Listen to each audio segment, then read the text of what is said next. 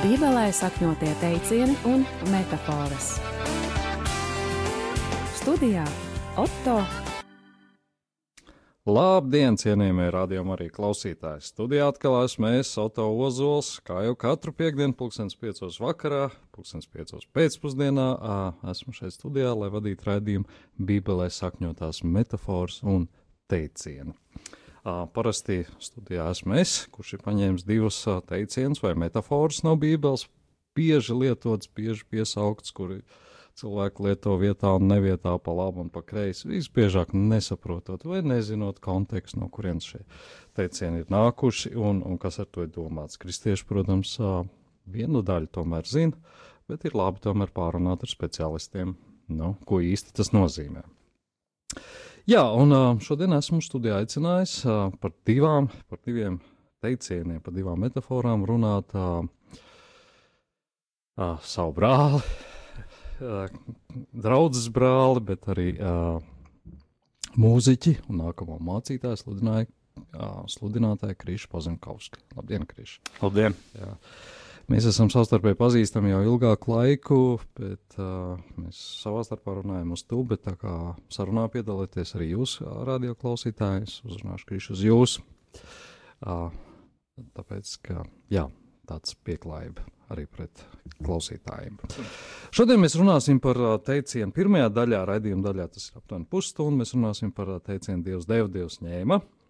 Un uh, otrajā daļā uh, Otrajā daļā mēs runāsim par slaveno metaforu, varētu tā teikt, vai vēsturisko stāstu Dāvids un Goliāts. Mēs ieskicēsim šīs tēmas, apskatīsim uh, vietas, no kurienes kur, uh, šīs tēmas ir pieminētas, un, un mēģināsim izprast, kas ar to ir domāts un kāds ir vēsturiskais konteksts. Ir teiciens, Dievs deva, Dievs ņēma. Uh, tas sakņojās Ījāpa grāmatā, un es nocitēšu to vietu.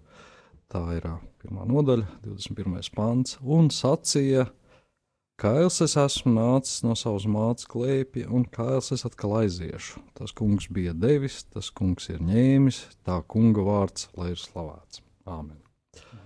Tas bija Dieva vārds. Krišā maz, mazliet ieskicējot, kas, kas ir īpa grāmata un, un, un kādā kontekstā tas viss tiek stāstīts. Jā, um, Ieba grāmata pat par sevi vispār ļoti interesanti, jo viņa ir viena no trīs gudrības grāmatām, kas ir atrodamas Bībelē.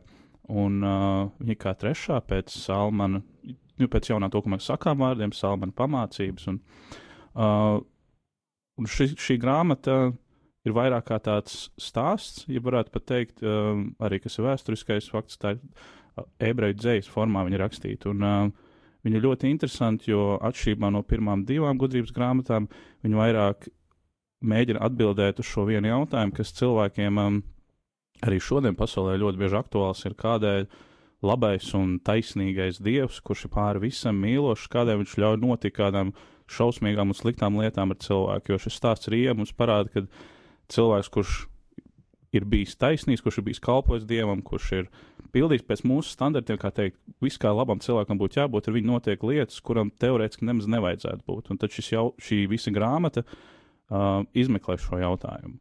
Jā. Es uh, atgādināšu, ka pilnais šis teiciens, Dievs deva, Dievs ņēma, patiesībā uh, tas ir ko ikdienā lieto, bet uh, saskaņā ar Bībeli ir tas kungs bija devis, tas kungs ir ņēmis, tā kunga vārds, lai ir slavēts. Tātad, te jau Jā. mēs redzam, ka uh, tas kungs paņem, nu, atņem kaut ko ļoti svarīgu. Un tas ir, manuprāt, arī šajā grāmatā tas pats interesantākais, jo bieži vien šodienas pasaulē mēs esam tā sevi, es varētu teikt, mazliet pat nofokusējuši, vai arī mūs mēģina šo tā nofokusēt, kad, um, kas vispār nav jauna doma, ka ja tu esi labs, tad tev kaut kas notiek labs, ja tu esi, ja tu esi slikts, ar tev kaut kas notiek slikts.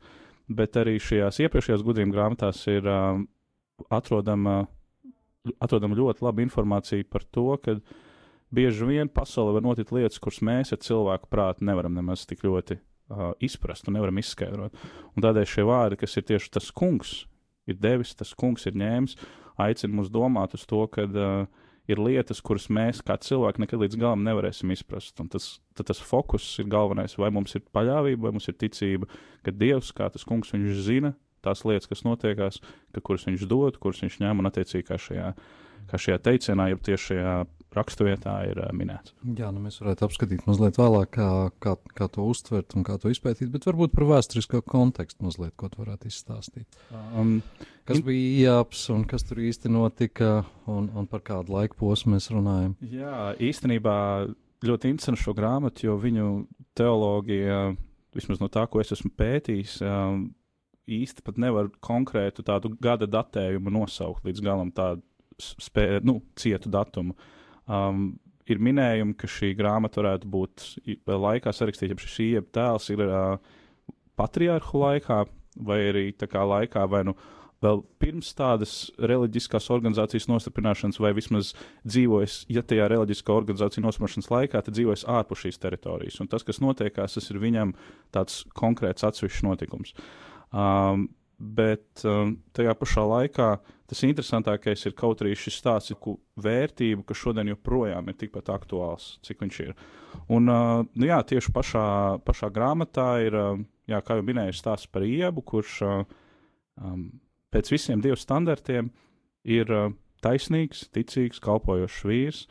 Uh, paš, pašas grāmatas sākumā pat ļoti interesanta aina, kur, uh, kas notiekās tā kā tādā, varētu pat teikt, tā tādā tiesas procesā, jeb tādā debesu, debesu realitātē, kur uh, Dievs stāsta un rāda, ka lūk, ir iepas, kurš paskatieties uz iepu šo vīru, kurš man kalpo. Un uzrādās tēls, kurš ir ebreju valodā, ir vārds satāni, jeb tā kā tulkojumā būtu tā kā um, izaicinātais, ja pretī nostādājis, ja tas, kurš tāds, kurš ne, nepiekrīt konkrētā, konkrētai lietai. Ebreju valodā kā viņam bija vārds? Satāni. Tas ir jā, prototyps sāta. Nu, mēs tā varētu šodien tā teikt, jā, Jā. bet tas īstais tulkojums būtu opozicionārs, jeb vairāk tā kā attiecīgi, kurš pretī nostājās. Un viņš uh, Stievam saka, nu, ka Ieps kā tēls ir baigi foršais, bet viņš ir tikai tādēļ, ka tu kā dievs viņu esi ap apbalvojis ar tik daudz labām lietām, tu visiem esi devis, un tāpēc viņš arī tev mīl un kalpo. Bet, ja tu to visu paņemtu noslūgt, tad mēs redzētu, vai, vai Ieps pa īstam tiešām tev tic, un viņš pa īstam ir tev uzticīgs, un Dievs viņam to atļauj.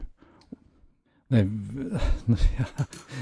Viņš, jā, tas sanāk tā kā paši nelabāto kāds. Nu, gan- ja gandrīz, man vai viss tas- ir, tad man jā. ir viegli būt Ap, pateicīgam. apmēram, apmēram tā ir, jā. Un, Kas viņam īsti bija? Viņam bija liela, laba ģimene. Viņam bija liela ģimene, viņam bija pēc priekš tā laika ļoti bagātīgs. Viņš bija, viņam bija bagātīgi ganāmpulka, lauki, viņam bija dažādas, dažādi cilvēciskie labumi, mēs kā varētu mm. -hmm. teikt. Viņš bija ļoti cienījams savu laiku vīrs, varētu tā domāt. Viņš bija ļoti turīgs attiecīgi pēc tā status, kā grāmatā ir aprakstīts. Bet tad ļoti ātrā laikā viņam nomirst. Viņam nomirst bērni, viņam visi viņa bagātība pazūd, visi viņa lauka pazūd, visu viņš paliek viens un nabaks un nekā. Un, un tas interesantākais ir tieši jā, ka šī, šis teiciens, šis pants ir pirmās nodaļas beigās, kad šis ieps ir saņēmis visu šo ziņu, viņš plēš drāns, kājas pelns un saut uz debesīm. Viņš saka, saka šos vārdus, jā, kad tas kungs deva, tas kungs ņēma, tā kunga vārds lai ir slavēts. Tātad viņš pazaudēt pilnīgi visu. Viņš apliecina mīlestību un ticību uz Dievu. Jā, joprojām apliecina, jā. jā. Uh, kā mēs mūsdienās to varētu? Uh, kuros brīžos mums par to vajadzētu domāt par šo vietu?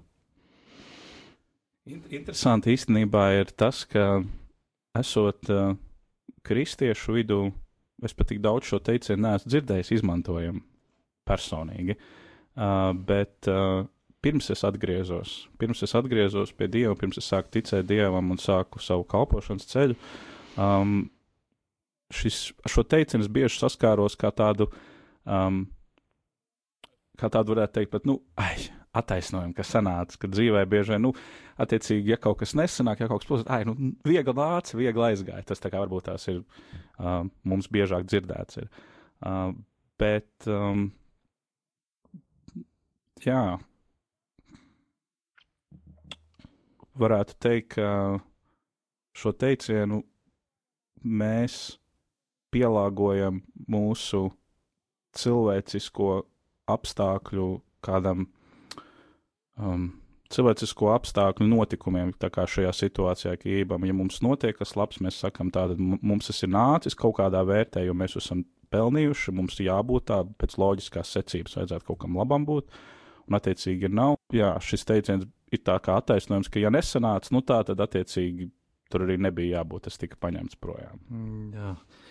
Es mazliet piedomāju par šo lietu, un es pat zinu, ka teoloģijā, kā zinātnē, šī tēma tiek bieži jā, nu, nopietni apskatīta, gan arī vesela nozara, ka daudzi cilvēki, tais, gan neticīgie, gan ticīgie, viņi, viņi jautā nu, brīžos, kad aiziet kāds ļoti tuvs cilvēks, varbūt pārāk aiziet šis cilvēks, labs cilvēks aiziet, jauns savu spēku pilnbriedā atstājot tā ģimeni. Un kā šādos brīžos teikt, jā, Dievs bija devis mums šo cilvēku, un tagad viņš viņu ņēmis un mūsuprāt pārāk. Kā lai šajā brīdī saglabātu ticību? Es nezinu, ja mācītājs izvada, pieņem iespējams, ka tev pabeigs Baltijas pastorālo institūtu, ka tev būs jāvada izvadīšana. Nu, kā cilvēkiem paskaidrot to? Man šķiet, ka šis jautājums, pie šī jautājuma ir jāpiet ļoti uzmanīgi, jo cilvēku izpratne par šīm lietām ir dažāda. Un pirmā lieta, ko mēs varētu izdarīt garām, būtu pateikt, lūk, tā ir pareizi, tas ir viens, un nemaz neuzklausīt otru cilvēku. Tajā pašā laikā es varētu teikt, ka, ja tu esi, kā, ja tu atzīsti, ka tu tici Dievam, un ja tu pieņem to, ka uh, visas labās lietas, kas ir nākušas, nāk no Dieva, tad uh, man šķiet šī doma tev būtu vieglāk arī saprotama, ka šis cilvēks, kurš arī no Dieva nācis, arī atgriežas pie viņa. Tajā pašā laikā mēs nevaram izdzēst tās cilvēciskās sāpes, mēs nevaram izdzēst to, ko mēs sajūtam tīri emocionāli pieķeroties. Un tādēļ ar šādiem teicieniem šādā laikā var mazliet aizvirzīt no tās, no tās galvenās domas projām. Um, es ticu personīgi, un tas ir mans personīgais viedoklis, ka ja mēs kā kristieši esam pieņēmuši Dievu, un ja mēs sakam, ka mēs ticam uz mūžīgo dzīvību, tad tāds mirklis kā cilvēciskā nāve mums vajadzētu būt tikai kā, jā, tas ir, tāds, tas, ir tas dabiskais solis, kur mums ir jāiziet cauri, lai mēs nonāktu tajā nākamajā. Bet tas ir mans personīgais viedoklis, jo um, es zinu, un man personīgi ir pieredze, man ģimenē ir mirstus cilvēks, un esot, esot klāt brīdī tādā nekādas gaišās domas tur nenāk prātā par, par to skaisto nākamību, jo tu redzi to zāru priekšā, tu redzi to cilvēku. Bet um, runājot ar kristiešiem, šī apziņa, ka mēs redzēsim viens otru, mēs redzēsim viens otru nākamajā dzīvē, ko Jēzus arī ir evaņģēlijos ļoti bieži lasīt, ko viņš ir apsolījis, ka nevēlaties esmu atnācis, lai sagatavotu jums vietu, jūs būsiet ar mani. Un, Un ļoti daudz, ļoti daudz tekstu raksturvietas mēs varam atrast par to. Un, ja mēs, ja es runātu ar kristieti, ja, šī, ja mēs pieskartos šim tematam, es, es varētu teikt, ka jā, kaut kādā ziņā mēs nezinām Dieva plānu, bet tādēļ arī šī grāmata ir ļoti interesanta, jo viņu lasot kā cauri, viņa galu galā pat īsti neatbild uz to jautājumu, kādēļ tās sliktās lietas notikās ībam. Ja, nu, no iepas skatu punkta, ja mēs skatāmies to sākumu mazo daļiņu, kas, ir, kas notiekās debesīs, un pēc tam pašas grāmatas beigas. Bet, ja mēs skatāmies tikai to cilvēcisko ievadu, mēs, pat to, mēs pat nesaprotam īsti līdz galam. Tā vietā Dievs iebam parāda to visu milzīgo, milzīgo pārpilnību, kuru viņš pārvalda. Kad vai es kā cilvēks spēju vispār aptvert to dievu plašumu, kādā, kurā viņš ir ielicis mani cilvēku. Un tādēļ šajā mirklī, ja kāds cilvēks tiek arī, diemžēl, pāragri paņemts prom, un, un diemžēl šīs situācijas notiek, un tajos mirkļos, um, manuprāt, ja tu esi ticīgs cilvēks, tas mierinājums varētu būt tas, ka, jā, ka tu zini, ka Dieva skats ir pāri tavam cilvēciskiem sapratnē. Ja tev nav, ja tev lieta par Dievu nav tik tuvu sirdī, un ja Kristus nav to kā personisks glābējs, tajā mirklī man šeit jābūt ļoti uzmanīgam, lai neaizvainotu personiski cilvēku sajūtas un emocijas viņa izpratni, jo ļoti ātri var aiziet tajā, nu jā, jā, tie pareizie kristieši, viņi jau visas atbildes zina, bet viņi nesaprot, kā cilvēkam vispār ir dzīvot. Mm, jā, tur nevajag banalizēt un vulgarizēt. Jā, jā, es šo teicienu nevajadzētu lietot kā vienkārši klišēju. Jā, galīgi nē, tā es personīgi uzskatu, ka tā nevajadzētu. Jā, jā.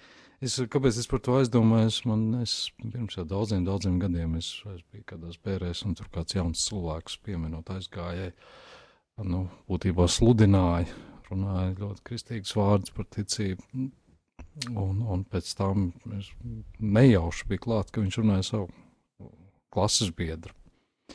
Un klases biedrs tāds izbrīnīts jautāja, acīm redzot, neticīgais. Viņš teica, klausies, kurš kur laiku tu tik ļoti kristīgs un ticīgs esi palicis, nu, kas ar tev tā pēkšņi notic agrāk, nu, viss kā mēs, tur, jā, kā jau padomu laikos daudz. Jā, neko nesaprat vai nebija pievēršies, un viņš uz viņu paskatījās un ļoti nopietni teica, viņš zinīja, pirms pāris gadiem es biju mirklī Es šo gadījumu bieži stāstu. Viņš bija klāts, viņš bija nu, pa priekšu, pa lauku ceļu, brauca viņa draugu ģimeni. Un, un, un, un acīm redzot, kaut kāds meža zvērs viņam izskrēja priekšā, un tā mašīna vienkārši gandrīz viņa acu priekšā avarēja. Un tik smagi avarēja, ka aizgāja bojā vesela ģimene. Viņa acu priekšā to draugu. Un, un, un. Nu, jā, viņš teica, es piebraucu klāt, un es redzu šo ārprātīgu, šo ār, nu, traģēdiju, milzīgu. Viņš saka, un, un tā brīdī viņš teica, man bija divas izvēles, vai nu uz vietas sajūgt prātā, tas bija vienkārši neaptverami. Jo nu, tur ātrā palīdzība, kam var atbrauc, tie bērni, ģimene mirst, faktiski nomirst viņa atspriekš. Un viņš teica, ka nu, vai nu es sabrūku emocionāli, sajūtu prātā, vai es vēršos pie Dieva un saku, Dievs, tu viņus pieņem, tu viņus uzņem pie sevis. Un, un, un tā brīdī viņš teica, viņa glābiņš bija ticība dievam pieņemt to, ka viņi tagad ir nonākuši pie viņa. Tā kā, mm, nu, tas ir varbūt ska, nu, ļoti, ļoti mm, smags stāsts par atgriešanos, bet jā, faktiski jā. Viņi, viņi izglāba. Bet no otras puses, es aizdomājos arī, mēs ar Krišu ejam kopā Agenskalnu Baptistu draugzē. Paldies, ka atvaļ rādīja, ka uzaicinājāt mūs. Uh, patīk radījumam arī, kas tāds ekumenisks uh, studija. Bet mācītājs Edgars Mažs reiz teica, kas man tā aizķērās šī vārda, viņš teica, nav, tā jau tikai pārsēšanās stacija. Es... Jā, Edgars ar šādiem teicieniem ir, jā, viņ, viņš māk trāpīt. jā, jā. Nē, es, es nezinu, viņš izvadot kādu cilvēku to, to teikt, bet, bet būtībā tā, nu, tā mēs varētu pieņemt, nu, aizdomāties šādos brīžos? Es domāju, ka, ja, ja atkārtojoties tā, kā es teicu, ja tu ņēmis Kristu kā savu glābēju, tad, tad šāds apgalvojums varētu arī, varētu arī būt kā, kā, kā pieņemams un saprotams cilvēkam. Protams, tajā mirklī, ko tu aprakstīji iepriekš, um, um, mēs bieži vien kā cilvēki nevaram, nevaram izprast tos dievu ceļus, kā, kā, viņš mūs, kā viņš mūs atgriež. Un, uh, Un uh, mums bieži vien jautājums, kādēļ bija jānotiek visam, kaut, visam, visām tām lietām, lai mēs saprastu tagad, kas ir kas, lai mēs ieraudzītu to pasauli jaunā gaismā.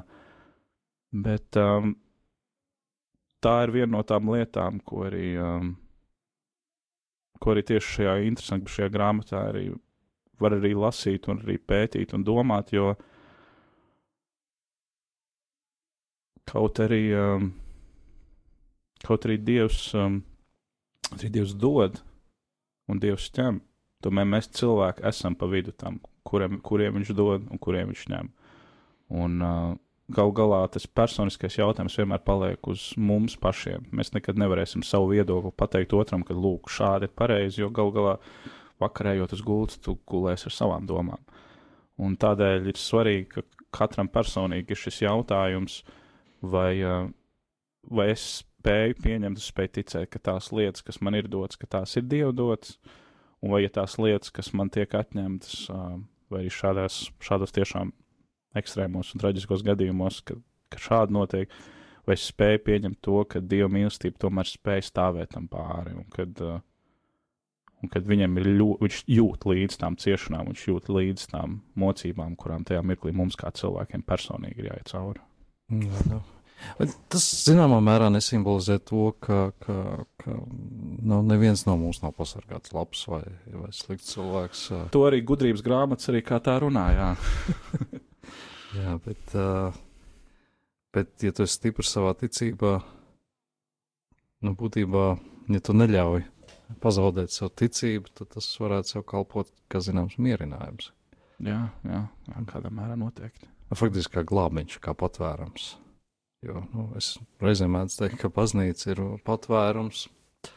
Tas pats, jā, es uh, mācītāju, ka viņš saka, ka baznīca tas nav svēto muzejs, tas ir grēcinieku patvērums. Noteikti, noteikti. Grēcinieku patvērums, bet, nu jā, kad varbūt ka tas ir tāds, kā lai to saka, ticību ticīgam cilvēkam nevar atņemt, un tas viņam iedod paļāvību un mieru arī lielākos vai mazākās pārbaudījuma stundās. Jā, es varu piekrist šim apgalvojumam. Jā. Jā, un, nu, otra lieta, nu, kā lai to saka, uh, ka neviens no mums varbūt nav pasargāts no šādiem izaicinājumiem. Un, un ka lūkšanas un, un, un, un jā, stipra ticība tas pats par sevi nav apdrošināšanas biļete kā tāda. Jā, noteikti, jo um, viena no lietām, ko, ko mēs jaunajā darbā ļoti daudz varam lasīt, un ko ja es ļoti vairāk kārtīgi akcentēju, ir, uh, ir nemitīgā kontakta uzturēšana. Viņa ir ļoti daudz vārdu, kā vienam tiem, ja jūs būsiet manī, jūs būsiet tēvā. Un, un, uh, manuprāt, tas ir ik, ik pa mirklim ir svarīgi, vai tu, vai tu apzinājies savu, savu ticību un apzinājies šo drošības, jeb tā to patvērumu sajūtu kā reālu, vai varbūt netiktu, ir svarīgi jebkurā gadījumā atkal un atkal no jauna iet uz to pusi, atbildēt pie vienīgā, kas to atbildi spēj dot. Un šim, šim un Jēzus ir pats devis mums palīdzīgu roku tajā dodot lūkšanu, dodot tēvreiz, kurā mēs varam to, kurā mēs varam to smelties. Un, uh, viņš pat ir teicis, pat vārdi ir, kad um, mūsu klusās nopūtas ir pilnas, kad mēs jau pirms mēs pasakām, Dievs zina, kas ir. Tad, tā, tad mums jau, ja mums sirdī ir šī vēlme, tad jau mēs varam nākt pie Dieva, un Dievs jau zina, kā mūs sagatavot. Un um, kaut kādos mirkļos, jā, šis, kaut arī šis glābiņš, šis patvērums ir, tomēr līdzīgi kā māja reiz reizēm ir jāiztīra. Tā arī sevi, ka tu esi sakrājies visām citām lietām, reiz reizēm tev ir atkal jāsakārto un jānoliek tā prioritāte priekšā, kas tad ir tas galvenais, kas tad ir tas tavs pamats, uz kā stāv, kā, kā mēs varam zināt. Jā. Varbūt es aizdomājos arī vēlreiz lasot par to, ka, ka dažādās pārbaudījuma brīžos, lielākos un pat uh, mazākos, nezinu, mašīna pazūd vai kas, kaut kas tiek sabuktēts viņai vai nezinu, banka nobankrotē vai kaut kas tāds. Arī nu, pavisam lielos tādos pārbaudījumos, kad saistīta ar tuvinieku aiziešanu. Varbūt tā, tā ticība ir atbilde, kā, kā saglabāt mieru, kā saglabāt pašcieņu, kā izturēt šos pārbaudījumus. Tā varbūt faktiski vienīgā atbilde, kas tev var glābt. Es gribētu teikt, jā, un es arī ticu personiski, ka jā, bet tajā pašā laikā es zinu no pieredzes, kad, kad runājot ar cilvēkiem, kuri iet cauri šīm lietām, ir jāuzmanās no šādas tīras kategorizēšanas, jo, jo tas ceļš līdz šim, jā, tas ceļš līdz tam ticības mierinājumam katram ir personisks, un katram tie notikumi, kam viņš iet cauri, kādu negadījumu, tos, jo mašīna tev var nobrukt ceļā uz darbu, kur tu Tu zini, ka tavs priekšnieks ir super, visi sapratīs, tu aizrakstīsi īsiņā, ka tu kavē tev tādu un tādu situāciju, pazudīs. Tie pašā laikā tu zini, ka tu varbūt tās brauc uz, uh, tu brauc uz savu svarīgāko dzīves interviju, piemēram, jeb kādu īpašu, īpašu notikumu, to tā mašīna noplīs un domā, kāpēc Dievs tieši šajā mirklī, un es taču tev ticu, es taču tev lūdzu, es taču esmu tavs kalps, un kāpēc tā, un, un um, tajā mirklī pateikt, nu, tas ticība, tavs mierinājums ir tā ļoti. Varbūt tam cilvēkam, nu, es taču ticu, ko tu vēl gribi no manis tagad saņemt. Tā kā es teiktu, ka jā, bet tajā pašā laikā ļoti personiski ir. Um, ļoti personiski katram, katram no cilvēkiem sev tas, sev tas mirklis jāizprot tā, ka. Um, tā ka tas nav tīri vienkārši tāda frāze, ka, nav, ka tas nav kaut kas tāds, ko es vienkārši pasaku, un tad, nu jā, starp citu, un tad pārējās lietas. Jo arī manī dzīvē, kaut arī es atgriezies, un kaut arī es ticu Dievam, arī man ir bijuši pārbaudījumi, bijuši mirkli, ka es domāju, kāpēc šīm lietām tā jānotiek man. Es taču cenšos, es, es, es no tik daudzām lietām, pasaku nē, lai tik daudzām citām lietām teiktu, jā, es kārtoju savu dzīvi, es organizēju, es daru, un tik un tā tās sajūta iešā šādi, kad, nu, uz kuru pusi es eju. Bet uh, tajā mirklī tad es varētu teikt, jā, lūkšana, krišana ceļos, iešana atkal pie pamata, kur kas ir pamats, kas ir Jēzus Kristus, un viņš spēja mierināt un iepriecināt tik dažādos veidos. Jo es redzu šo teicienu, kas mums ir tas Dievs, dev, kungs, dev, kungs ņēma, es varu atgriezt bišku otrādi, kungs paņēma un tad iedeva. Man pašam pirms dažām dienām bija gadījums, kad uh, es devos strādāju skolas korī ar jauniešiem un devos uz mēģinājumu, eju uz mēģinājumu ar domu, ka, nu, ko mēs šodien strādāsim, ka tagad viss rindiņā nebūs, nebūs, nebūs. Un es tā pie sevis nodomāju, ak, tieņās, nu es savā laikā tā nedarītu, kā es baigais. Nu, tur. Bet to mēģinām nosēdēt, viss ļoti labi, viss iz, izdarījām, mācījāmies, un es tagad dodos mājās vakarā, un man atsūta viena devītās klases skolniece, un devītās klases skolniece man atsūta man īziņā ar tādu tekstu, ka es redzu, viņa tik cieņpilni pret mani uzraksta, tik ļoti pazemīgi, kad viņa ļoti atvainojās, ka viņa, viņa tā negribēja, viņai ļoti svarīgi, viņai svarīgi, ko es par viņu domāju, svarīgi ir, kā viņa, viņa nāk vispār, ka viņa var piedalīties. Un es aizgāju mājās, un es savai sievai saku, Dievs man šodien rīktīgi iedrošināja. Viņš man teica, ka, nu, jā, viņš joprojām ir. Tas viss, viss notiekās. Nav tā, ka viņš kaut kur pazudis. Jā, nu, tas ir interesantākais jautājums. Man uz pirmās pusstundas beigām tieši nāk, uh, um, kuram gan veselu raidījumu varētu veltīt. Ko, ko Ieps neizdara, kad viņam viss tiek atņemts, ka viņš pazaudē pilnīgi visu, kas viņam ir dzīvē bijis? Uh, Viņš slavē Dievu, bet viņš uh, neapvainojās uz Dievu. Es nezinu, man dzīvē ir bijis kārdinājums, izaicinājums, ka man gribās apvainoties, reāli apvainoties uz Dievu, ka nu, tā ir, no, nu, kā tu varēji nodarīt tā. Īstenībā šī, šī neapvainošanās viņam arī iebam, kā cilvēkam noturās tikai pirmās nodaļas šajā grāmatā. Ja mēs lasām iebu grāmatas priekš, mēs varam atrast īstenībā, ka viņš dažu mirkli pat riktīgi ir, nu, riktīgi nikans uz Dievu un tādus vārdus izsaka, kur mēs domājam, nu kā cilvēks izsaka. Bet tas pats interesantākais, ko mēs varam lasīt, ir iebu grāmatas beigās, kur pats Dievs saka, ka um, iebs nav apgrākojies. Un, uh, manuprāt, tas ir tas ļoti interesantais, jo Visa paļāvība. Mēs redzam, lai arī kas notiek, viņam ir, viņam uzrādās šie draugi, viņam uzrādās cilvēki, kas viņam saka, nu, nu klausies, reku, mēs teikt, izpētīsim šo situāciju, un ieps arī iet emociju kūlim cauri, kas mums jebkuram cilvēkam ir ļoti, ļoti tipiski, man šeit nav neviens cilvēks, kurš šādi pateikuši visu dzīvi nodzīvojis, nevienreiz nesadusmojoties vai nevienreiz neraudot. Un tajā pašā laikā, tajā pašā laikā Dievs beigās pasaka viņam, ka viss kārtībā ar tevi bijis ieep. Un es par to domāju, es esmu par to, ka mums kā cilvēkiem šeit šķiet, ka mūsu domas un mūsu emocijas ir kaut kas ļoti atšķirīgs un svešs, kas mums būtu, ko mēs nevarētu likt kopā ar to standartu tai ticības pareizajai dzīvei kad, mēs jau iepriekš runājām par šo mierinājumu, par šo patvērumu, ka mums tur esot, taču no tā piedzīvot, un attiecīgi es esmu tajā patvērumā, un es piedzīvoju uztraukumu, ja es piedzīvoju bailes, ja es piedzīvoju dusmas, ka tā tad es esmu pilnīgi sačakarēts cilvēks, tad manī kaut kas nav tik labi, jo man taču vajadzētu, es taču zinu pareizās atbildes. Un es par šo domāju, ka vai Dievs nezināja, vai Dievs nezināja, iedodot šis, šis lietas cilvēkam, viņš nezināja, kāds varētu notikt vai viņš nebija sagatavojies uz to, ka tas cilvēks viņam nostāsies pretī un pateikt. Jo arī no radīšanas stāsta, ka mēs lasām, mēs redzam, ka Dievs neiejaucās tajā mirklī, kad cilvēks turpat, turpat grēkos. Viņš dod brīvu izvēli. Pēc tam, jā, viņš, uzros, viņš prasa, kas ir noticis, ko tas izdarīs, un to tagad, to tas izdarīs, tagad sekas no tā ir izrietošas. Tajā pašā laikā viņš saka, ka viņš neatstāja, viņš apsol, viņš jau, viņš jau ievēja apsolu, ka nāks, nāks kāds, kurš sadragās tajā čūskai galvu. Un arī šodien man šķiet, varētu teikt, mēs baidamies būt atklāti pret Dievu un pateikt viņam, kā mēs pa īstam jūtamies. Aizmirstot to, ka Dievs jau tāpat redz, kā mēs jūtamies, ka Dievs jau tāpat zina tās, tās cīņas un tos jautājumus, kā mēs ejam cauri. Viņš redz to mirkli. Un mēs pieņemot, ka viņš ir vismīlošs, viszinošs, šeit atrodam tādus interesantus rāmjus, kuros mēs pasakām, nē, nē, nē, tālāk šeit netnāks, tālāk šeit nē.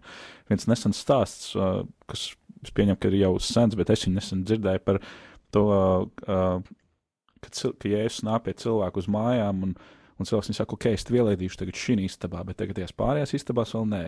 Un tad Jēzus saka, labi, nu es padzīvošu šeit kādu laiku. Šeit, bet varbūt tās es varētu, nu, varbūt tās tur otrajā. Nu, labi, labi, es vēl to, to otru istabu, bet tajās piecās istabās tu vēl nē. Un šitā tā lēnā garā uz priekšu, kamēr iet. Un uh, šeit man izbrīna pašam uz sevi skatoties, kad arī es nonāku tajos mirkļos, kad šeit kādēļ man būtu šādi jājūtās. Bet tad atkal ir tas, ka vai tad Dievs nav apsolījis, viņš vienmēr būs klāt ar mums, vai Jēzus nav teicis, ka nāciet pie manis tādi, kādi jūs esat. Jā, labi. Pirmā pusstunda jau mēs esam tā rīktīgi norunājuši. Es atgādinu, ka, esmu, šis ir raidījums Bībelē sakņotie teicieni un metafors, un katru piekdienu, pulkstens piecos, es ar kādu Bībeles zinātāju, mācītāju, sludināju, teologu apspriežu divas no šīm. Šodien studijās esmu ar uh, Krišu Pazemkovski. Redzījuma sākumā es neizstāstīju, tu, ka jūs esat arī uh, Mūzikas akadēmijas divu bakalauru. Jā, jā, kā mūzikas, vispārējais izglītības mūzikas skolotājs un kora diriģents. Jā, tad uh, bieži gadās uh, strādāt ar kori, slavēt kā mūziķiem. Jā, jā, protams, jā. jā. Un, un tagad esat sācis darboties Kultūrālajā institūtā. Jā, Baltijas Pasaules institūta otrajā kursā. Jā, un, un tas iepriekš minētais Edgars Mažs jau sāk uzticēt pirmos sludināšanas. Jā, paldies, jā, paldies viņam par uzticību. Jā. Jā, tā kā studēja Krišs Pazemkauskas un radījumu vadu es, Otā Ozols. Tiekamies pēc burtiski pāris minūtēm, kad runāsim par nākamo metaforu vai pat vēsturisku stāstu, ko mēs dziedam bieži par Dāvidu un Goliātu. Tiekamies jau pēc mirkļa. Bībelē sakņotie teicieni un metafāras.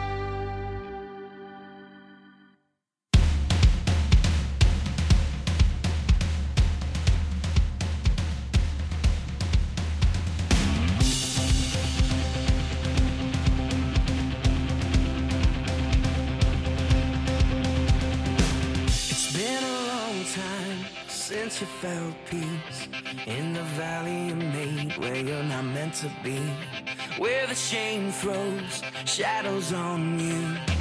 But don't you forget that you're headed to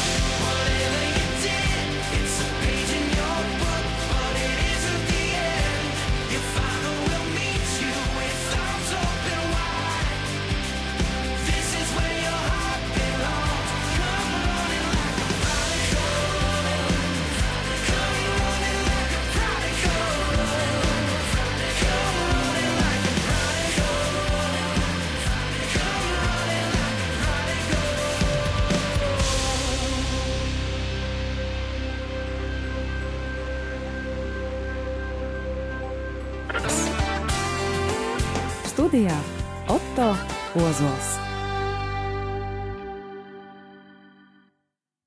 Labdien, atkal cienījamie rādījumi arī klausītāji. Šis ir raidījums Bībelē sakņotās metafors un teicieni, o, kā jau katru piekdienu. Es runāju par divām metaforām vai diviem teicieniem ar kādu no Bībeles zinātājiem, lai, lai padziļinātu izpratnes par, par šiem jautājumiem. Šodien pie manas studijā ir, jo mēs jau pirmo pusstundu pavadījām runājot par, par teicienu, tagad precīzi citēšu, mēs runājam par teicienu Dievs deva, Dievs ņēma, kas patiesībā ir tas kungs bija devis, tas kungs ir ņēmis, tā kunga vārds, lai ir slavēts no ījāp grāmatas. Par to mēs runājam iepriekšējā pusstundā, šobrīd mēs ķeramies klāt pie otrās metaforas.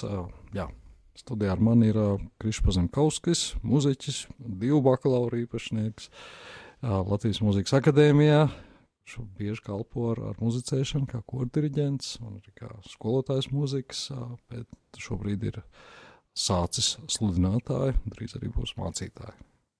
Rangā Krišs Pazemkovskis. Labdien, labdien vēlreiz. Jā, Krišs, mēs ķeramies klāt pie otrās metaforas, kur ir ļoti liela. Mēs tikai ieskicēsim, mums ir burtiski 20 minūtes palikušas. Mēs runāsim par Dāvidu un Goliātu. Dāvids un Goliāts, kas tiek bieži pieminēts ikdienā, grāmatās, literatūrā, politiķu runās, No, jā, jā. kur tik netiek pieminēts. Bet sakņojās šis stāsts Samuela grāmatā, ja mēs runājam par Bībeli. 17. nodaļa, no 20. panta līdz 24. Es atļaušos nocitēt, nolasīt, un, un tad mēs apspriedīsim, cik mums laiks atļaus.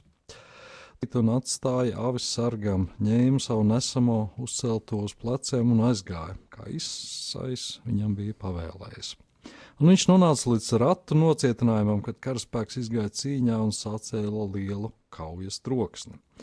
Izraels un filistieši nostājās gatavi kaujai viens pret otru. Tad Dāvids atstāja savu nesamo mantu uz raugu ziņā, skrēja pie karapulkiem un tur nonāca apsveicinājis ar saviem brāļiem. Kamēr viņš vēl ar tiem sarunājās, redzi, tad brīdī nāca filistiešu stiprinieks, kuru vārds bija Goliāts, filistietis no gātas, ārā no rindas, un viņš runāja savus parastos vārdus, tā kā Dāvids tos dzirdēja. Bet visi Izraēla vīri, kad tie šo vīru ieraudzīja, metās bēgt, un tie ļoti bijās. Jā, tas ir uh, stāsts iesākums, un, Jā. un, un, un, un, un kas tālāk notikās, mēs varētu tagad ātri izrunāt. Uh, jā, varbūt uh, ieskicēsim, kas tad Dāvids bija tāds, un, un kāpēc viņam ar Goliātu tur sanāca tas konflikts. Jā, tā mazliet vienkāršoji, bet jā. Um, jā, Dāvids ir viens no zināmākajiem šeit Bībeles tēliem, ko uh, mēs arī ļoti daudz arī mūsdienu kultūrā, kā jau minēju, varam dzirdēt Dāvids un Goliāts, bet uh, tīri vēsturiski viņš bija otrais uh, Izraēla tautas ķēniņš aiz sauli. Un uh, viņš ir aprakstīts Bībelē kā, kā vīrs pēc Dieva sirds. Ja tā kā mēs viņu to skaidrotu, tad uh, viņš uh, tiešām centās klausīt, klausīt Dievu vārdam, kalpot Dievam un staigāt ceļus ikdienā ar Dievu. Un, un viena no lietām, kāpēc, uh, kāpēc viņš Dievam bija arī tūs, ir uh, komer, atrast komentāros, un daudz teologu saka, ka viņš nebaidījās arī atzīt savas kļūdas un nožēlot savus grēkus, ko ir darījis, un kaut arī viņam bija jāatdzīvot tam sakām, viņš tomēr turpināja staigāt Dieva žēlstību. Par Dāvidu un Goliātu, Dāvidu un Goliātu ir, um, ir fakts par, ir par filistiešiem, kas jau, kas vēl pirms Izraēla tautas jau, jau bija iemitinājusies netālu no Kanānas zemes, un uh, viņi arī kā kaimiņi, un šodien, šodien tie filistieši ir, uh, kā teikt, mēs varētu teikt, mutējušies, šodien mēs varētu teikt, tas ir Palestīnas teritorija. Mm Mhm. Uh, un uh, šajā laikā jā, viņiem bija konflikts ar, uh, konflikts ar Izraēlu. Uh, un vēl pirms, vēl pirms šīs stāsta Dāvida Goliāta, daudz jau viņi bija, daudz viņi jau bija karojuši. Un uh, ir viens no tāds mazs interesants arī ieskicēt, ir, uh, ka vēl pirms ķēniņiem uh, bija notikums par derību šķirstu, ka, kuru filistieši, kuru filistieši nolapīja, paņēma sev, uh, bet Dievs viņiem, Dievs viņiem sūtīja visādas, visādas kaitas, kā rezultātā viņi to šķirstu atdeva atpakaļ. Un uh, pēc tam Izraels pieprasīja no, pieprasīja no Samuela, kas ir nosaukts kā šīs grāmatas autors, kaut arī vēsturiski spriež, ka šī grāmata sarakstīta bišku pēc viņa, vairāk tā kā varētu teikt no viņa pierakstiem, kaut kādiem personīgiem Samuela un citām vietām. uh, un lūdz ķēniņu. Un Dievs viņam apsola ķēniņu, saulu, bet viņš saka, nu, ka tad tautai būs riktīgi viņam nu, konkrētas lietas jādod, konkrētas nodevas un viss tā. Un Sauls kaut arī viņš sāk ļoti cerīgi, tomēr diezgan ātri jau stāstā mēs redzam, ka viņš piedzīvo diezgan liels cilvēcisks kārdinājums un grūtības, un viņam sākas lejupslīd. Kā rezultātā Dievs izradz, Dievs izradz nākamo ķēniņu, kas ir Dāvids. Un Dāvids ir kā ļoti necils, gan uz ēnas, kurš pēc jebkuriem standartiem vispār nebūtu uzskatāms, ka vispār viņam tāda iespēja dzīvē būt. Bet Dievs viņu izradz, Samuēls viņu, Samuēls viņu iesvēta, un tad šis stāsts risinās uz priekšu. Ļoti interesanti. Var tiešām iesaku klausītājiem iesaku izlasīt Bībelē, jo ļoti daudz interesantu notikumu, kas iespējams arī būs dzirdēti kaut kur šajās dienās. Uh, bet jā, viņš nonāk, uh, ticis arī interesanti, kas man personīgi saistoši ir. Viņš kā mūziķis spēlē, lai mierinātu sauli, kuram nāk, uh, kuram nāk kaits virsū. Un, Tas vispār bija diezgan nejauka rakstura. nu jā, jā, jā. tā. jā nu tas tā. Tas, ja, ja runā par sauli, tad būtu ļoti interesanti arī par viņu runāt. Jā. Uh, bet, nu jā, un, uh, bet filistieši joprojām turpina karot ar Izraēlu. Un, uh, jā, tagad izdzird, un izdzird, ka, jā, ka šim ka filistiešu pulkā ir gadījies šis Goliāts, kurš ir uh, tas lielais, lielais aprakstīts kā milzīga auguma vīrs, spēcīgs un tāds, nu, ka jebkurš vīrs viņa priekšā bītos. Būtībā neuzvarams. Būtībā neuzvarams tieši tā. Uh, bet Dāvids, uh, Dāvids ir gatavs iet un iet stāties viņam pretī. Un, uh, kaut viņi negrib arī sākumā laist, Sauls viņam saka, ok, labi, nu, ja tu esi, es tā ļoti vienkāršoti, bet, uh, ja tu esi gatavs dot, lūk, reku tev bruņas, lūk, es tev ietērpšu, visu zobens, visus vairogs, visu eju. Un... Pagaidām, mazliet atkāpsimies atpakaļ filistieši, ka viņi nostājās karapulks pret karapulku. Tad, tad iznāca Dāvids priekšā un teica, varbūt divatā. Ja kāds... Nē, nē, nē, bet tad pirms nostājās priekšā Goliāts bija tas, kurš uh, ir. Uh, kurš ir priekšā, un viņš izaicina, ka jebkurš vīrs, kurš ir gatavs cīnīties ar mani, ja, ja, ja apzinoties to, ka viņš ir neuzvarams, saka, ja tu man uzvarēsi kāds, tad uh, visi filistieši mēs padodamies. Ja es uzvarēšu kādu no jums, kur jūs izvirzat, tad jūs esat zaudētāji, jums jāpadodas mums. Un viņš izvirza šādu ultimātu. Un tad Dāvids ir gatavs šo pieņemt. Ja būtībā met izaicinājumu uh, Dāvidu, nu, savu karaspēku Jā, Izraels. jā, tieši tā, tieši tā. Um, un tad, kad, protams, vīri baidās to darīt, bet Dāvids nebaidās, viņš ir gatavs iet, un, nu jā, un Sauls viņam grib dot bruņus, un grib dot ietērt, nu tad, ja tu esi gatavs iet, bet Dāvids atgriežas, viņš saka, nē, no tā man neko nevajag, un viņš paņem tikai savu noju, paņem savu gana tarbu un paņem mūžu. Nu, protams, lingu, jā, jā. Jā. Un tad ir šis, uh, šis visiem zināmais stāsts, jā, kad viņš nonāk priekšā, viņš nonāk priekšā, Goliāts diezgan viņu izsmēja, ka, nu, tāds sīkaļ man tagad, man milzīgam vīram, un Dāvids met šulingu akmeni, trāpa pa pieri, Goliāts krīt, un tad Dāvids ņem ar pašu Goliāta zobenu un nocēra Goliātam galvu. Jā, nu, sanāk, ka mazs vīrs ar niecīgiem spēkiem, precīzi trāpījumu, trāpa, Jā, cik es saprotu, viņai pa galvu trāpa. precīzi tā kā, nu, tā kā pa pieri, mēs tā varētu teikt, nu, trāpīja pa pieri. Tad, nu. Desmitniekā. Un, un Goliāts tiek apdulināts. Jā, Goliāts tiek apdulināts, krīt, un visi šokā. Neviens nespēja saprast, kāds var būt. Un Dāvids šajā mirklī izmanto mirkli un ņem pašu Goliāta zobenu un nogriež viņam galvu. Un, un, un cīņa. Un cīņa ir uzvarēta, jā, un pēc, pēc kā vienošanās, tad filistieši, protams, bēg un Izraels viņam skrien pakaļ. Un, jā, Un būtībā viens cilvēks izšķira vienu lielu cīņu. jā, būtībā tā, jā. Jā, nu, mēs vēl vēsturiski varēsim skatīties tālāk, kā attīstījās Dāvida. Protams, tur ļoti daudz, jā, jā, Jā, interesanti. bet eh, kā viņa tā karjera, pavisam īsi, kā viņa tā karjera, nu, nosacīt karjeru, kā viņa dzīves gājums attīstījās pēc šīs varoņa darba, šī brīnumainā. Um, īstenībā tas interesantākais, ka šis stāsts, kaut arī viņš ir viens no tādiem zināmākiem un populārākiem, viņš ir tomēr tikai kā daļa no tās visas ķēdītes, kas veidojās. Jo viena svarīga lieta, ko nedrīkst aizmirst, skatoties par Dāvidu, tieši ir tas, ka, um, kad Dievs viņu izredz pašā sākumā, ka sa Samuēls vēl savu laikā vēl nāk un, un iesvēta viņu, ka viņš būs ķēniņš, ka viņš viņu iesvēta tā, kamēr vēl saules ir. Un viss, kas tālāk notiek, viss notiek ar šo apziņu, ka Dāvids visu laiku staigā tā kunga paļāvībā. Un neviena lieta, ko viņš dara, nav nu, tāpēc, ka es, um, varbūt teikt, misinterpretācijām, tā kā mazliet nojauktām lietām, ir, ka šis stāsts tiek paņemts kā tāds. Kā saka, latviešiem tas teiciens, mazais cīnīts gāž lielu vezumu, tad, attiecīgi, nu, tas mazais dāvidiņš gāja pret lielu goliātu un izdarīja. Bet bišķi tiek aizmirsts tas fakts, ka arī Dāvids ejot, viņš saka, ka es eju tā kunga spēkā. Es nevis eju pats par sevi, tāpēc, ka es teiktu, tas mazais to lielo gāzīšu, bet pēc, es zinu, ka Dievs ir mani, Izraēla Dievs ir man, un man vienkārši, es zinu, ka viņš būs, viņš man dos to uzvaru.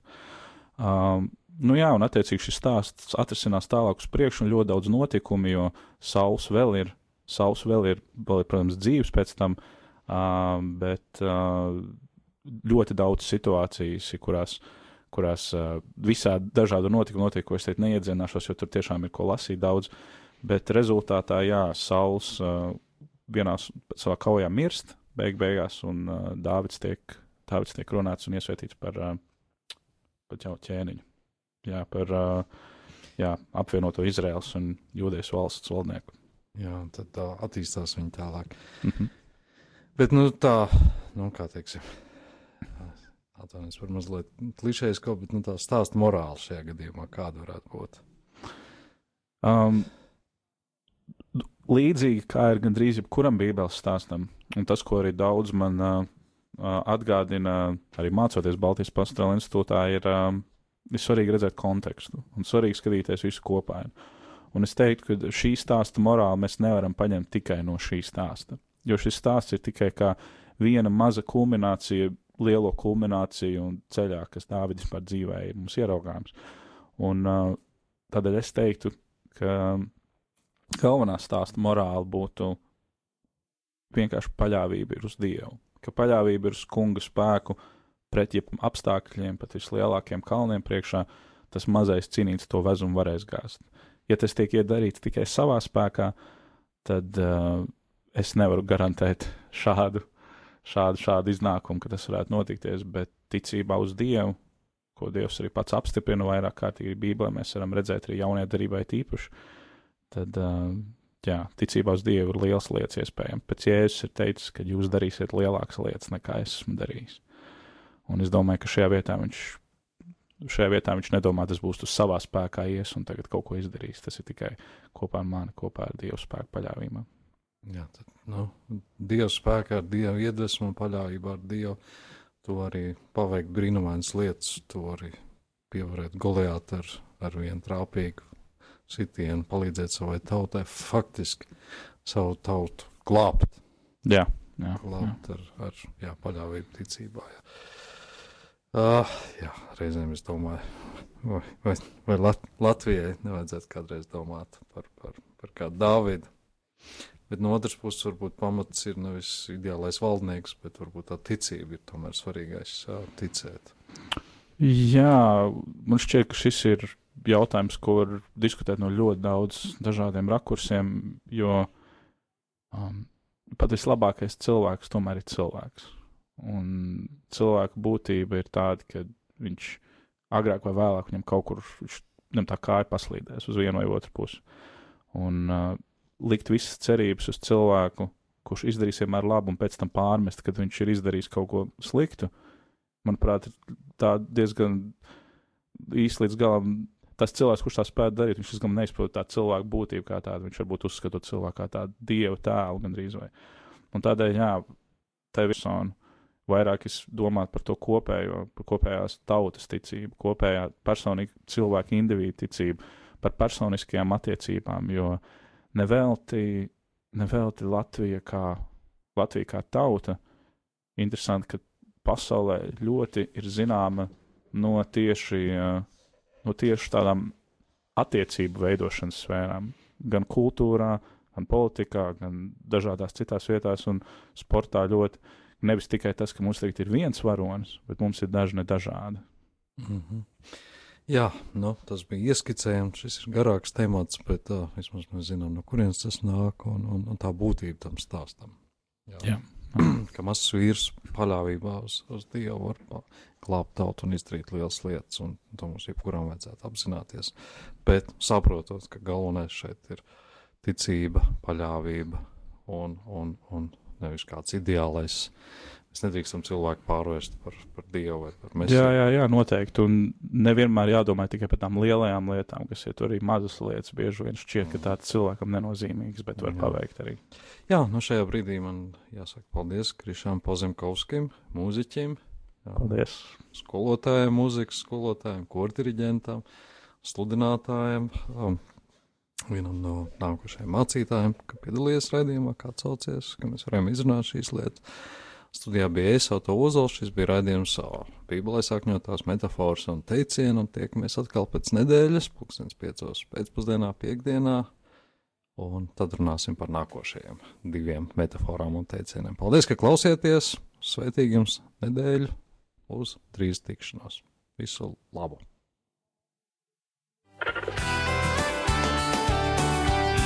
Bībelē sakņotie teicieni